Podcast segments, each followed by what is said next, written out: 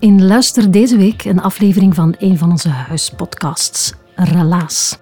In de Relaas hoor je waargebeurde verhalen verteld door de mensen die ze zelf hebben meegemaakt. Dit is het verhaal van Tessa. Tessa is ervan overtuigd dat ze nooit aan kinderen zal beginnen. Maar ze doet het toch en komt dan een groot taboe tegen omtrent kinderen krijgen. Luister.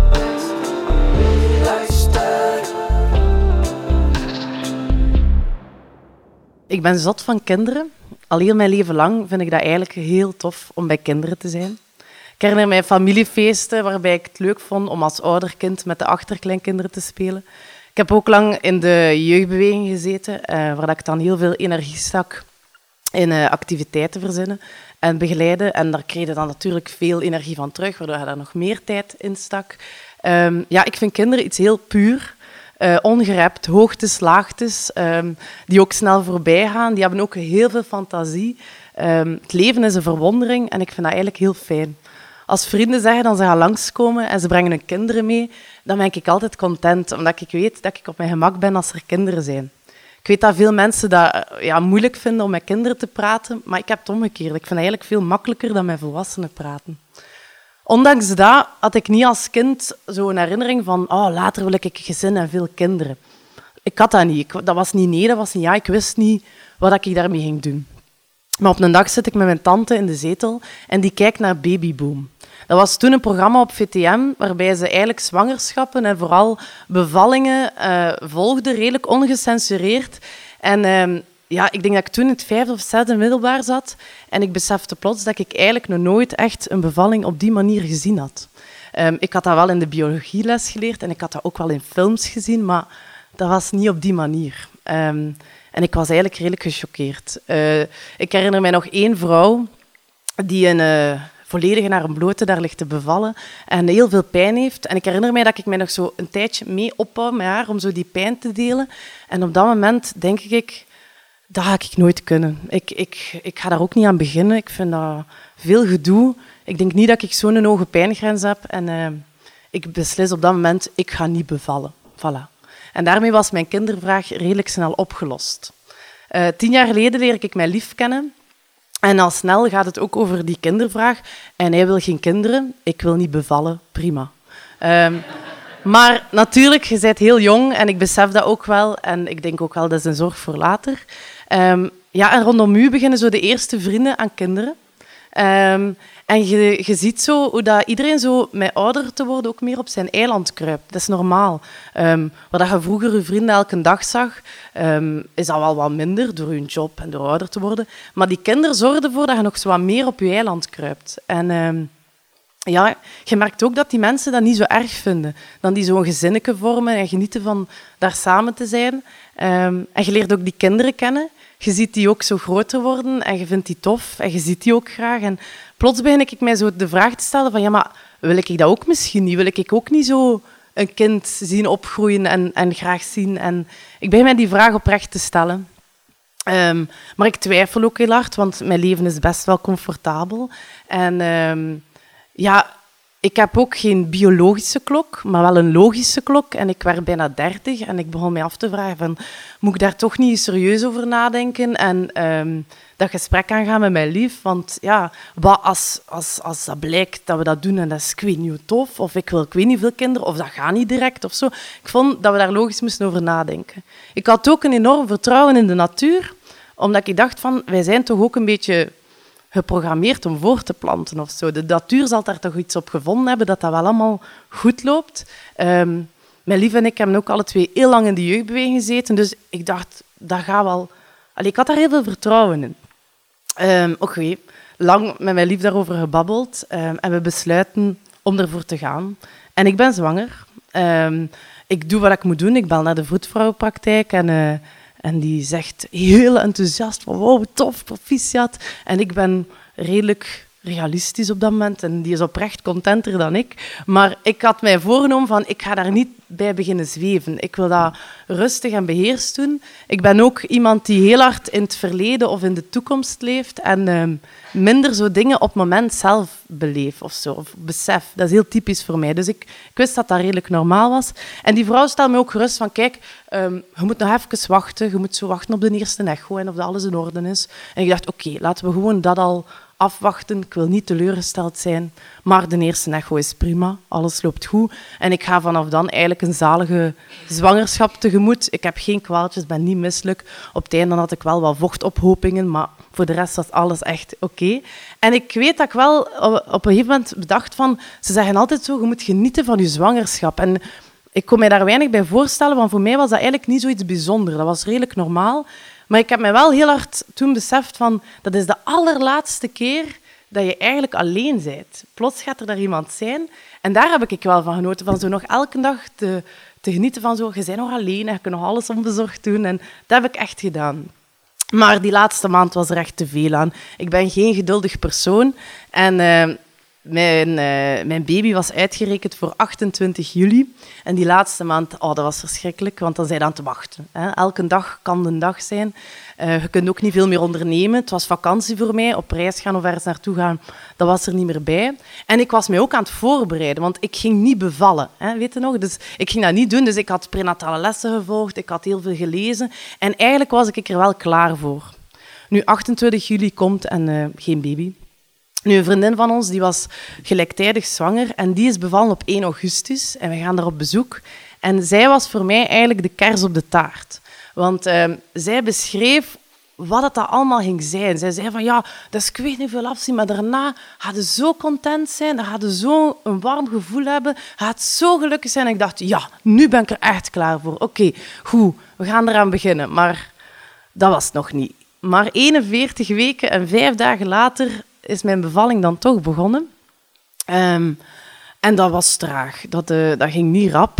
Um, op vijf centimeter ben ik ook blijven steken. Epiduralen erbij. Nog een, uh, tot de volgende ochtend wachten.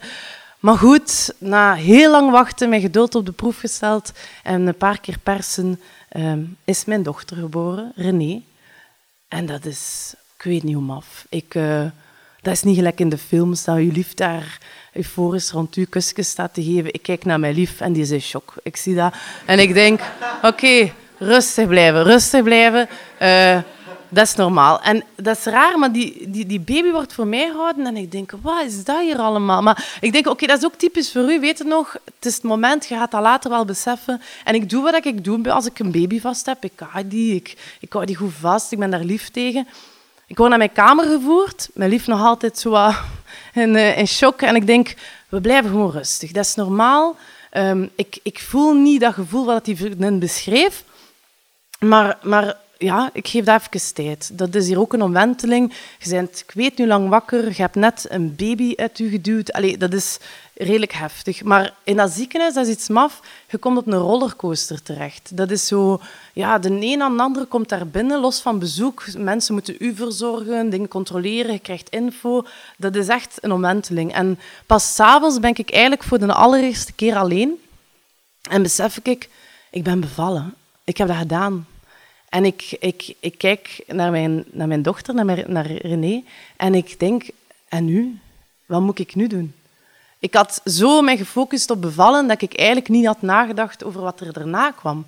Want ik had zo'n vertrouwen in de natuur en in mijn moedergevoel dat ik dacht van, daar moet ik niet over nadenken. Dat, dat zal wel allemaal geregeld zijn. Maar dat had ik niet. Ik, ik had dat niet. Ik kan mijzelf rustig houden. Ik denk, dat is normaal, dat is normaal. Geef dat wat tijd. We gaan naar huis. Eerste nacht zit erop. Verschrikkelijke nacht. Um, maar s ochtends is mijn vroedvrouw er. En um, die kan mij geruststellen. Die zegt van, geen paniek. Um, je moet je nog geen moeder voelen. Dat kan goed zijn dat dat nog dagen duurt, weken duurt, misschien maanden. Dat is echt niet raar. En ik zei tegen haar, maar zou dat kunnen dat ik misschien nog verdoofd ben van die epidurale? Ik heb zo het gevoel dat als ik aan mijn arm kom, dat dat mijn eigen vel niet is of zo. En ze zei, maar ja, denk dat niet, maar geef dat gewoon allemaal een beetje tijd. Wacht twee weken af. Die eerste twee weken die, die zijn het belangrijkste. Je moet ook in een ritme komen, je moet die baby leren kennen. Dat komt wel. Dus ik denk, oké, twee weken. Mensen die zeggen, de tijd vliegt met een kind, ik weet echt niet waar ze het over hebben. Want voor mij zijn die twee weken enorm lang geweest. Dat was verschrikkelijk. Ik heb elke avond tegen mijn lief gezegd, yes, weer een dag voorbij. Dat was echt aftellen. Maar ik bleef rustig, want uh, dat had ook geen zin om in paniek te zijn, want ik wou dat wel een kans geven om te groeien. En uh, mijn lief die was ook nog niet 100%. Dus ik had zoiets van, kom aan, we moeten dat hier volhouden. Um, ik had geen connectie met mijn dochter. Dat was lekker of dat mijn kind niet was. Ik had niet het gevoel dat zij van mij was. Ik kon ook haar naam niet uitspreken. Dat was heel raar om haar in een berichtje of in een gesprek te vermelden. Ik heb dat ook wel proberen aangeven in mijn omgeving. Uh, maar niet iedereen kon daar zo op reageren. Ik denk dat dat ook heel moeilijk is om je voor te stellen als je zelf niet in dat gevoel zit. Maar na vier weken was er geen verandering en ben ik gecrashed. Dan, dan heb ik echt tegen mijn lief gezegd van dit gaat niet meer. Dat, zo wil ik niet um, verder. Ik wil het niet op die manier doen. En dat is een heel raar idee, want je kunt van alles weglopen, maar niet van, van je eigen kind. Dat is heel beangstigend. Um, en toen zijn wij naar de dokter gegaan. Um, en ik wou dat er een pil bestond om mijn moeder te doen voelen, maar ja, die is er natuurlijk niet. Um, die dokter was heel lief, die heeft, heeft geluisterd en, en, gezegd dat ik tijd en wat rust moest nemen. En die avond heeft mijn moeder voor de eerste keer, mijn ouders, voor René gezorgd. En um, dat was echt een verademing. Um, ik voelde dat er iets moest veranderen en, en, en ja, ik moest ook leren om, om dat te aanvaarden, dat, dat dat niet op de manier was dat ik wou. Dat is heel raar, want ik voelde mij enorm schuldig. Schuldig naar mijzelf toe, dat ik mij zo verkeerd had ingeschat. Uh, ik voelde mij heel abnormaal, dat ik geen moedergevoel had. Uh, ik had zoveel vertrouwen in de natuur en dat werkte niet bij mij. Ik voelde mij heel schuldig naar mijn lief toe, want eigenlijk wou hij geen kinderen en had ik het gevoel dat ik hem zo'n beetje had overhaald en nu loopte dat niet like dat ik wou. Um, ik voelde mij enorm schuldig naar René toe, want zij had er absoluut niet voor gekozen dat ik mij zo voelde. Nu, er waren gelukkig hulpmiddeltjes. Mijn vroedvrouw was mijn reddende engel, want zij heeft mij geleerd dat um, om een goede moeder te zijn, moet je vooral ook aan jezelf denken. Want als je moeder niet oké is, kun je ook niet voor een kind zorgen. Dus zij heeft mij proberen in, doen inzien van, draag zorg voor jezelf, want dan gaat je ook zorg kunnen dragen voor je kind. Um, Google was ook mijn vriend, want ik heb heel veel gezocht naar verhalen van mensen die een beetje hetzelfde aan het meemaken waren als ik. En uh, dan komt op verhalen echt uit dat, dat gelijklopend zijn. En dat doet zoveel deugd om dat te lezen, dat je niet abnormaal bent, dat nog mensen dat meemaken. En toen heb ik uh, van sommige verhalen een screenshot genomen. En op dagen dat zo wat minder ging, dan uh, las ik die af en toe. En dat gaf mij zo weer wat energie. En dat zorgde ervoor dat ik niet te veel vooruit liep op de feiten en gewoon in het moment probeerde te zitten. Um, terug gaan werken was voor mij ook een redding. Uh, dat is raar, ik had zo uitgekeken naar mijn bevallingsverlof, maar dat was echt niks voor mij. Terug gaan werken heeft, heeft ervoor gezorgd dat ik echt het gevoel had dat ik nog iemand anders was dan die persoon dat voor een baby moest zorgen. Um, ik had ook een collega die een beetje hetzelfde had meegemaakt als ik. En dat was echt mijn bondgenoot. Dat, die gaf me heel veel steun en energie. Um, ik ben ook in therapie gegaan. Uh, dat heeft mij ook veel bijgebracht, want daar heb ik ook geleerd dat er een good enough mother is. En uh, dat, dat, ik niet mij moest spiegelen aan een beeld dat een maatschappij probeert voor te houden. En dat iedereen eigenlijk een beetje zijn vorm van moederschap maakt. Um, ja, de octopus die alle bordjes moet rechthouden en een goede job en een goed lief en een tof huis en weet ik veel wat. Dat is voor mij niet realistisch en dat, dat weet ik nu. En dat is raar, maar hoe meer ruimte dat ik voor mezelf innam, hoe meer ruimte dat er ontstond voor René. En we zijn nu een jaar en half verder en ik kan echt zeggen dat er enorm veel veranderd is. En dat is fijn om te zeggen. Um, onlangs zat ik uh, in de zetel en uh, ik was alleen thuis. Mijn lief was op weekend en uh, René was bij mijn ouders gaan slapen. En normaal is dat zo'n moment dat ik denk, yes, het voor mij alleen. Ik ben allee, dat is zo zalig. En nu was het de eerste keer dat ik eigenlijk mijn gezin miste. Dat ik eigenlijk wou dat ik naar boven naar haar kamer kon lopen en een keer gaan kijken of dat ze lag te slapen. En uh, de volgende ochtend ben ik zelf vroeger naar mijn ouders gegaan om haar te gaan halen, omdat ik ze oprecht miste. En toen voelde ik van, dat is mij René en ik ben haar moeder. Dank u wel. Je luisterde naar De Kinderzorgen van Tessa, opgenomen op een van de live vertelavonden van Relaas. Voor meer verhalende podcasts kan je terecht op luister.be. Luister.